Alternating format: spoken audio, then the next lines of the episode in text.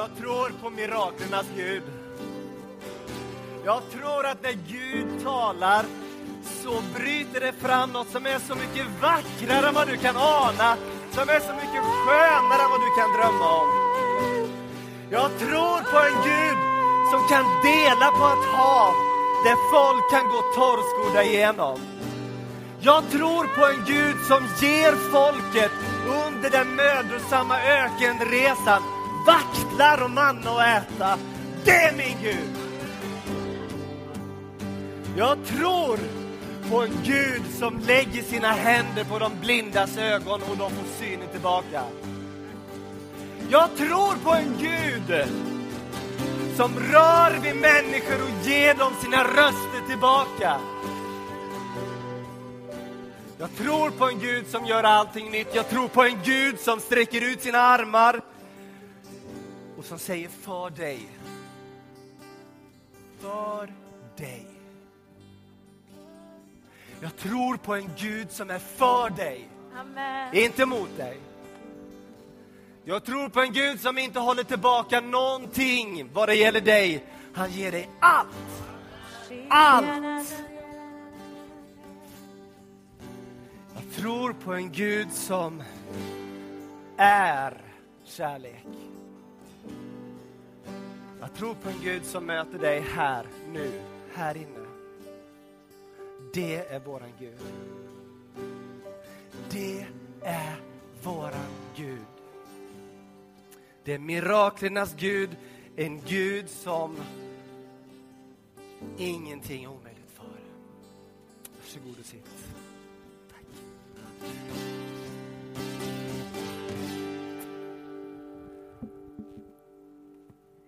Varför tror jag på det här? För att det är vittnesbördet som den här boken ger. Det är det vittnesbörd som du hittar i den här boken. Som är ett kärlekens testamente, rakt igenom. Om en Gud som älskar, om en Gud som kommer att föra allting till dess återlösning. Allt! Varför tror jag, som jag har deklarerat här innan? Jo, för att jag har fått se en Gud som gör under. Jag har fått se en Gud som helar människor. Jag har fått se en Gud som har lyft människor som har stått i den djupaste, djupaste dy med omöjlighetstankar som man knappt kan andas. Och han har rest dem upp. Så jag kan inte tvivla. Kan inte tvivla. Men det här är vad jag intalar mig. Det här är, jag är inte säker, men jag intalar mig det. Vad mycket enklare det vore om Gud svarade på våra böner precis när vi vill, när vi ber dem. Vad mycket enklare det vore om Gud varje gång vi lägger våra händer på en människa och ber för den människan till helande, om man gjorde ett helande och ingripande varje gång, hade det inte varit enklare? Vad mycket enklare det hade varit att förstå. Och jag tror att du liksom jag på något sätt bär ett enda, eller ett, ett enda, ett väldigt stort varför här inne. Gud, du har ju själv sagt och vi har bett varför? Sker inte undret? Varför blir inte den här människan helad? Varför? Är det, hallå, är det någon som känner igen sig? Är ni här eller? Ja. Jag tror och jag vet att Gud är miraklernas Gud. Jag kommer fortsätta trotsigt och med fullt tropåslag att be för de som är sjuka. Alltid! För Gud har sagt det. Och jag har fått se hur det funkar.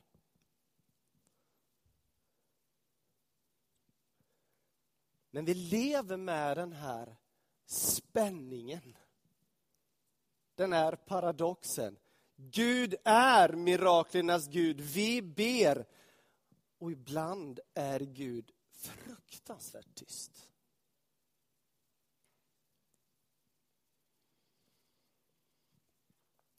Jag tänker att till och med hos Jesus så finns den här spänningen. Tänk när han hänger där på korset. Så säger han, Fader, i dina händer överlämnar jag min ande. Det säger han å ena sidan. Å andra sidan säger han så här, Gud varför har du övergivit mig?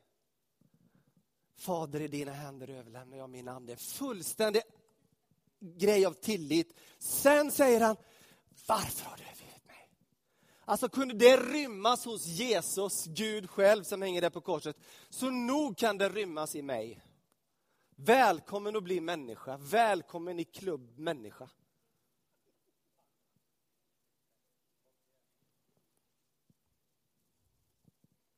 Det finns ett filter som jag använder mig av numera hela tiden när jag tänker tro. Och det filtret är det här. Ja, det syns knappt vad det står. Gud är god. Gud är bara god. Punkt två, vi lever i en fallen värld. Den här världen har kraschat. Den här världen lider under av en enorm skada. Punkt tre, allting kommer att gå mot sin återlöselse. Alltså, Paulus motsvarighet till de här Peters punkter, det är tro, hopp och kärlek. Vår tro är att Gud är god. Alltid god. Hoppet, vi lever i en fallen värld men vi kommer med hopp till den här världen. För vi har redan smakat det som kommer i punkt tre. Den kärlek som Paulus talar om. Tro, hopp och kärlek.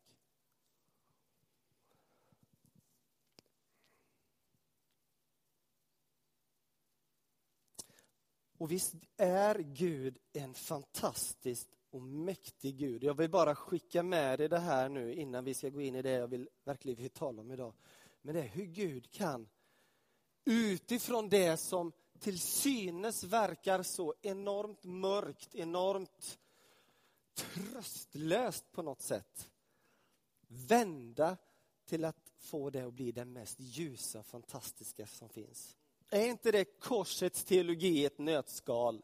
Det som för världen såg ut att vara den absolut största nederlaget, han dör där på korset. Vänder Gud till att, få bli den största händelse som den här världen har skådat av härlighet och ljus. Alltså det här är korsets teologi. Det är den tro som vi lever av. Gud kan göra det som idag är aska till skönhet. Den guden tror jag på. Den guden vill jag leva med hela tiden.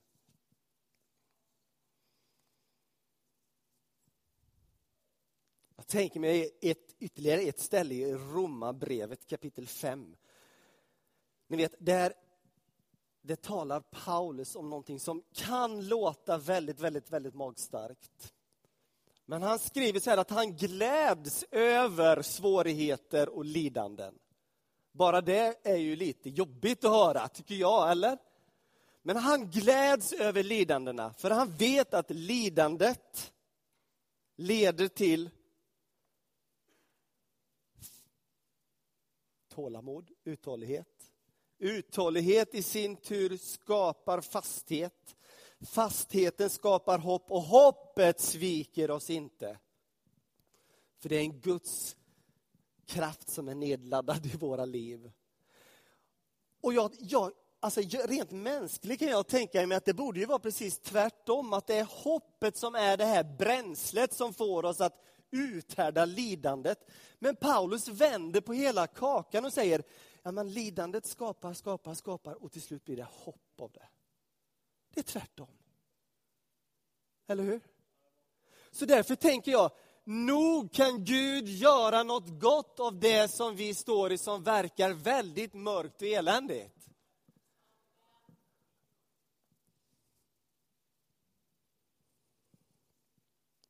Mer och mer har tron börjat handla om just det här för mig. En, eh, en tillit till Gud. Så därför ska vi idag titta lite på den här salmen som jag, för mig är den stora tillitssalmen. Psalm 23. Är det någon som har hört den salmen förut? Spännande. Tillit. Tro och tillit. Tro stavas för mig mer och mer tillit. Och Det är nog inte så konstigt, för det, det, det grekiska ordet som används för tro i Nya testamentet kommer ur roten av att ge hela sitt hjärta. Att ge hela sitt hjärta. Jag sätter, jag sätter alla mina kort på dig, Gud. Jag tror på den här tilliten som har en färg, en smak av att Herre, till vem skulle vi gå? Alltså, vad skulle vi vända oss om vi inte söker oss till dig?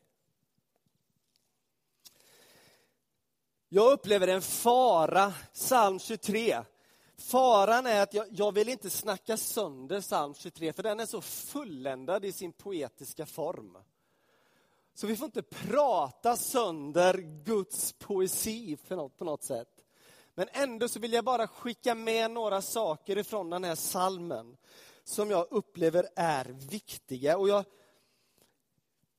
det bästa är, om det, är en, det enda du tar med dig ut härifrån idag, det är att du har den här salmen och låter det vara din, din bön. Att be ut Guds ord, att be ut den här salmen i ditt liv.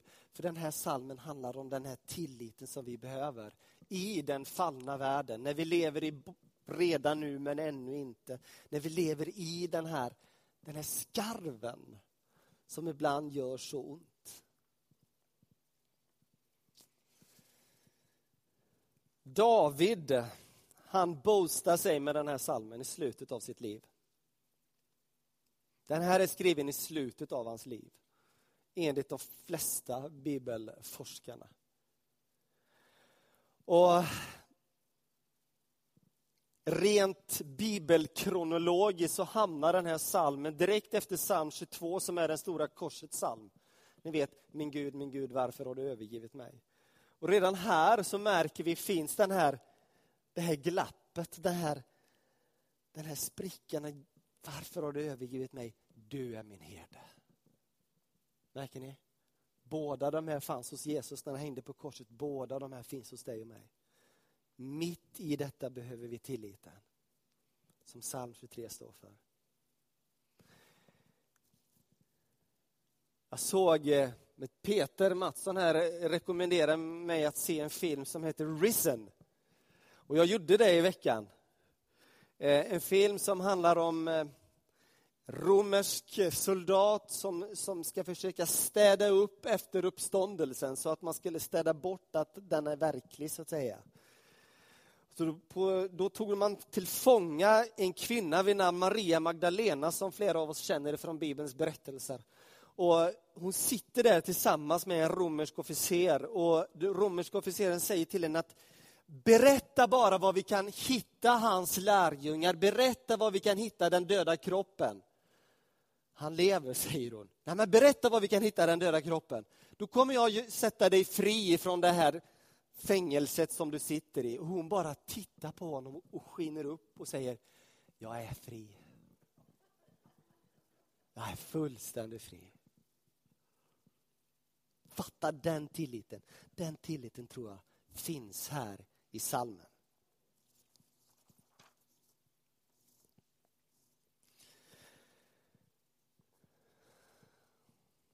Herren är min herde mig skall inget fattas. Kan vi säga det tillsammans? Herren är min herde, mig skall inget fattas. Det är så underbart att han lyfter fram Gud som våran herde.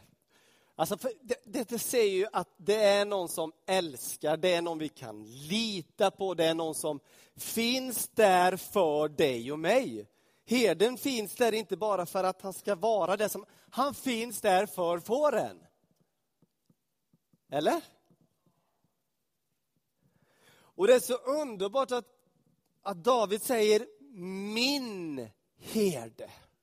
Alltså det här sticker ut i den judiska kontexten, i hela gamla testamentet. Ni vet när man talar om Gud som den upphöjde, den nästan som är långt borta någonstans. Och David lyfter ner det här nu och gör det så att den sitter här, min herde. Han är min herde.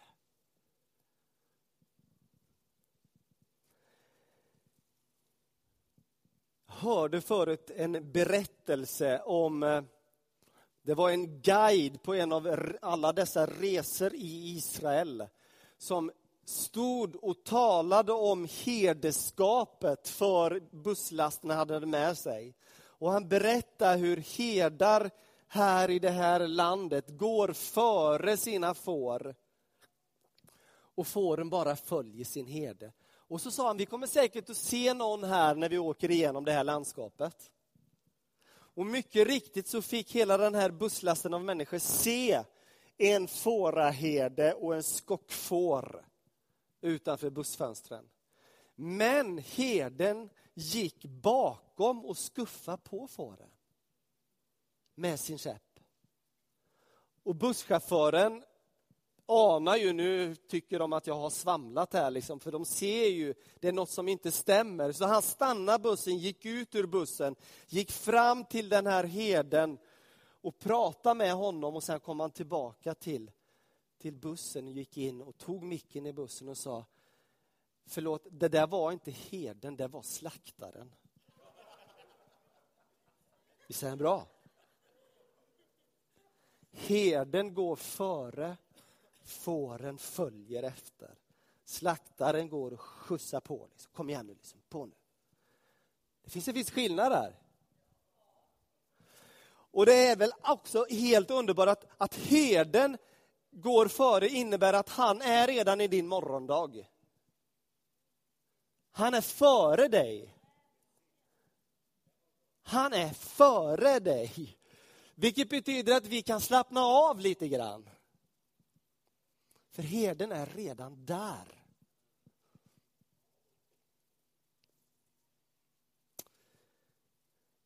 Jag kanske inte alltid kommer att få allt det jag önskar mig i den här, det här livet. Men jag kan garantera att ingenting kommer att fattas mig. För det händer någonting när vi följer herden. Vår, vår önskan och vår vårt driv i livet får så att säga sin kraft och sin näring utifrån vem det är vi följer. Och följer jag då herden så sätter det sin prägel på mitt driv och mina motivation och mina, ni vet, allt det som är kraft i mitt liv. Det får mig att önska det som herden vill.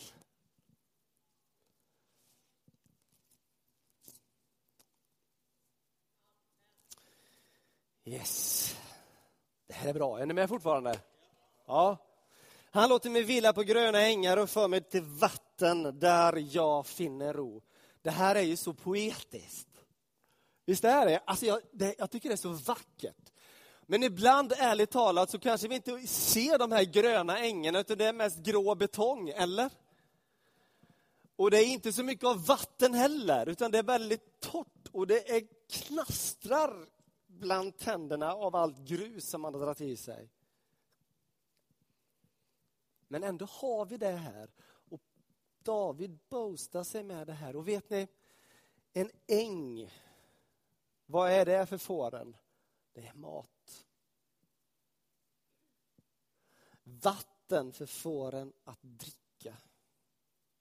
Jag tänker mig att när vi följer heden så så är det så viktigt att var är det vi hämtar våran mat någonstans?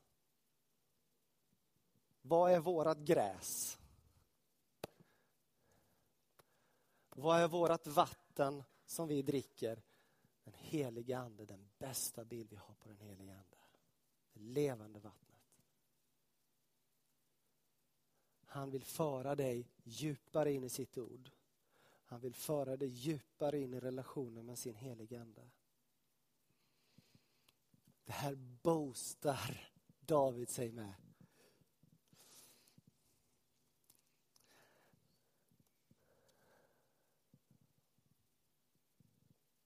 Nu hoppar jag för en för långt här nu.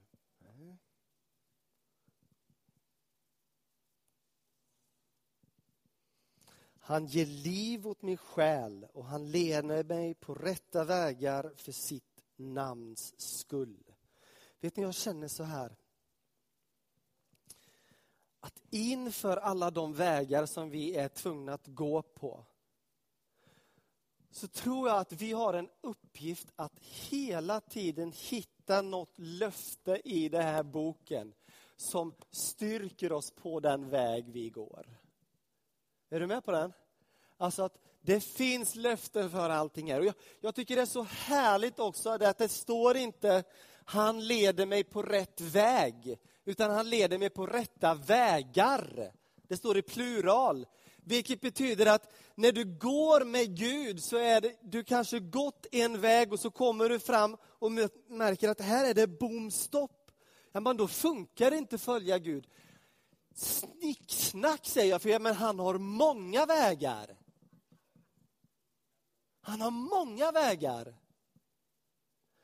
Funkar det inte längre på den vägen så kanske det var välsignat att gå den här vägen ett tag, men nu har Gud en annan väg för dig.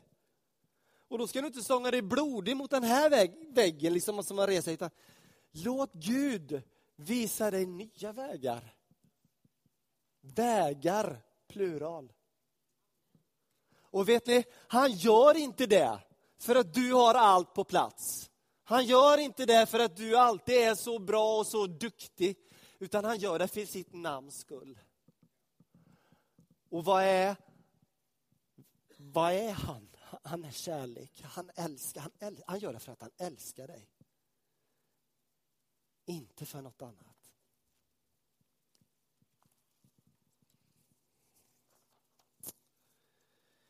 Även om jag vandrar i dödsskuggans dal fruktar jag inget ont, för du är med mig, din käpp och stav tröstar mig. Märker ni att det står, det står inte om jag skulle vandra genom dödsskuggans dal, utan det står även om jag. En ännu mer rätt översättning skulle vara när jag vandrar genom dödsskuggans dal. För du kommer att gå genom den dalen. Alla vi kommer att gå igenom den dalen. Allt annat är falsarier. Jag lovar, och garanterar. Men det finns någonting här. När du går genom den där dalen så upplever du som att det här är dödens dal. Men det är inte dödens dal, det är bara en skugga av död. Det är bara en skugga av den.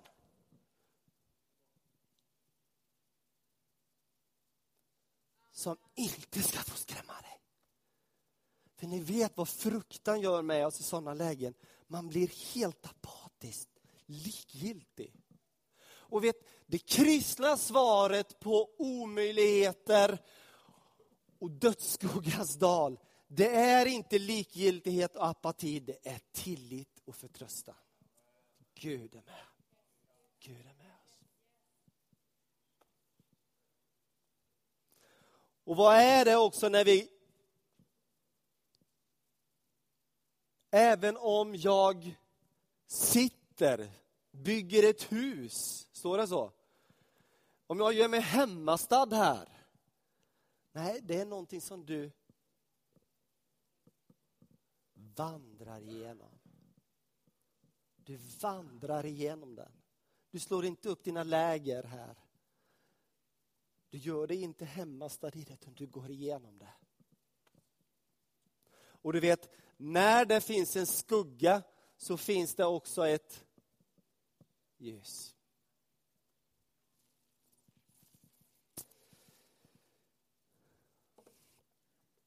Du dukar ett för mig ett bord i mina ovänners åsyn. Jag älskar det här.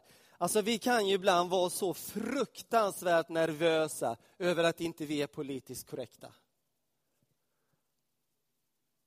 Vi, vi, kanske inte vill sticka ut eller vi vill inte vara jobbiga, vi vill inte säga saker som gör att människor blir lite irriterade. Och så står det så här, du dukar ett bord för mig med mina ovänners åsyn eller fienders åsyn. Alltså följer vi herden, följer vi Jesus så kommer vi få fiender. För man kan inte vara vän med Gud och världen samtidigt. Det går inte. Kommer att få fiender. Men grejen är, lyssna nu.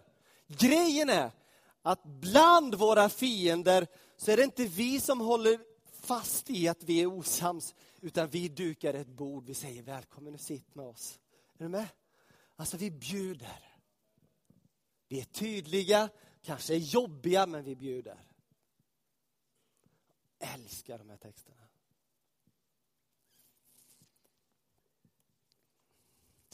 Godhet och nåd ska följa mig i alla... Nej, det var inte alls. Var det det? Jag glömde ju den här. Eh, du smörjer mitt huvud med olja och låter min bägare förlöda över. Wow! Alltså smörja med olja har två betydelser. Första är att den som är smodd i Gamla testamentet med olja över sitt huvud, han har auktoritet. Han har kungslig, prästlig auktoritet. Här har vi det här båda som vi inledde den här predikan med. Att vi, vi, har, vi ska be. Gud har gett oss en auktoritet. Vi ska be när någon är sjuk. Vi ska be när det är uppåt väggarna fel. Vi ska be. För Gud har gett oss en auktoritet. Men det kommer också att betyda att olja har ytterligare en betydelse. Och det är till för tröst och läkedom. Vi kommer att bli slagna. Det kommer att vara tufft. Ser du? Både auktoritet, men vi kommer också behöva ah, någon som tar hand om oss. Både och. Och han låter min bägare flöda över. Alltså när Gud ger någonting till dig så ger han till bredden. Men han stannar inte där utan låter det flöda över. Visst är det här fantastiskt? Alltså för mig så är den, den bästa beskrivningen jag har på det här, det är i Johannes evangelium om den samariska kvinnan. Ni vet hon som fick möta Jesus och de talar om törst och bägare och allt möjligt och sådär. Och så säger Jesus till henne, gå och hämta din man. Jag har ingen man. Där sa du sanning, säger Jesus, typ något sånt där. Och sen, och sen går hon iväg och hämtar inte bara sin man, för det har ju hon ingen, men hon hämtar hela byn. Alltså det flödar över. Hon har fått någonting som gör att hon kan inte bara, det är inte bara en person, utan hon hämtar alla. Alla ska med. Det flödar över. Wow, det... Mm. Ja, godhet och nåd ska följa mig alla mina, dag, mina livsdagar och jag ska bo i Herrens hus för alltid. Jag tycker det här är så skönt. Ja, Gud är god och hans nåd är över dig. Men det står också att det här ska följa oss. Alltså där du går fram, det kommer att vara en doft av godhet, det kommer att vara en doft av nåd. Ha? Alltså där du är så har du någonting med dig. Folk kommer att känna, wow, vad var det här? Det där är en människa som vet vad nåd är. Massa godhet. Tänk att vi får vara de människorna. Wow! Hörrni, jag tycker vi står upp och så, och så profetiskt så proklamerar vi ut det här över oss. Det här är ord som har betts i tusentals år. Det här är ord som är födda ur den djupaste nöd. Jag menar, David hade inte allt på sin plats. Alla var emot honom, i stort sett. Hans egen son Absalom försökte döda honom. Hans egen, egen hustru bara skällde på honom och klagade på honom när han la lite extra ved på den andliga brasan. Så sen när han kom och dansande inför Guds ark. Ni vet, alla var emot honom. Ändå så säger han. Är ni med nu? Herren är min herde, mig skall inget fattas. Han låter mig vila på gröna ängar. Han för mig till vatten där jag finner ro. Han ger mig liv själ. Han leder mig på rätta vägar för sitt namns skull. Även om jag vandrar i dödsskuggans dal fruktar jag inget ont, för du är med mig. Din käpp och stav, det tröstar mig. Du dukar för mig ett bord i mina fienders åsyn. Du smörjer mitt huvud med olja och låter min bägare flöda över.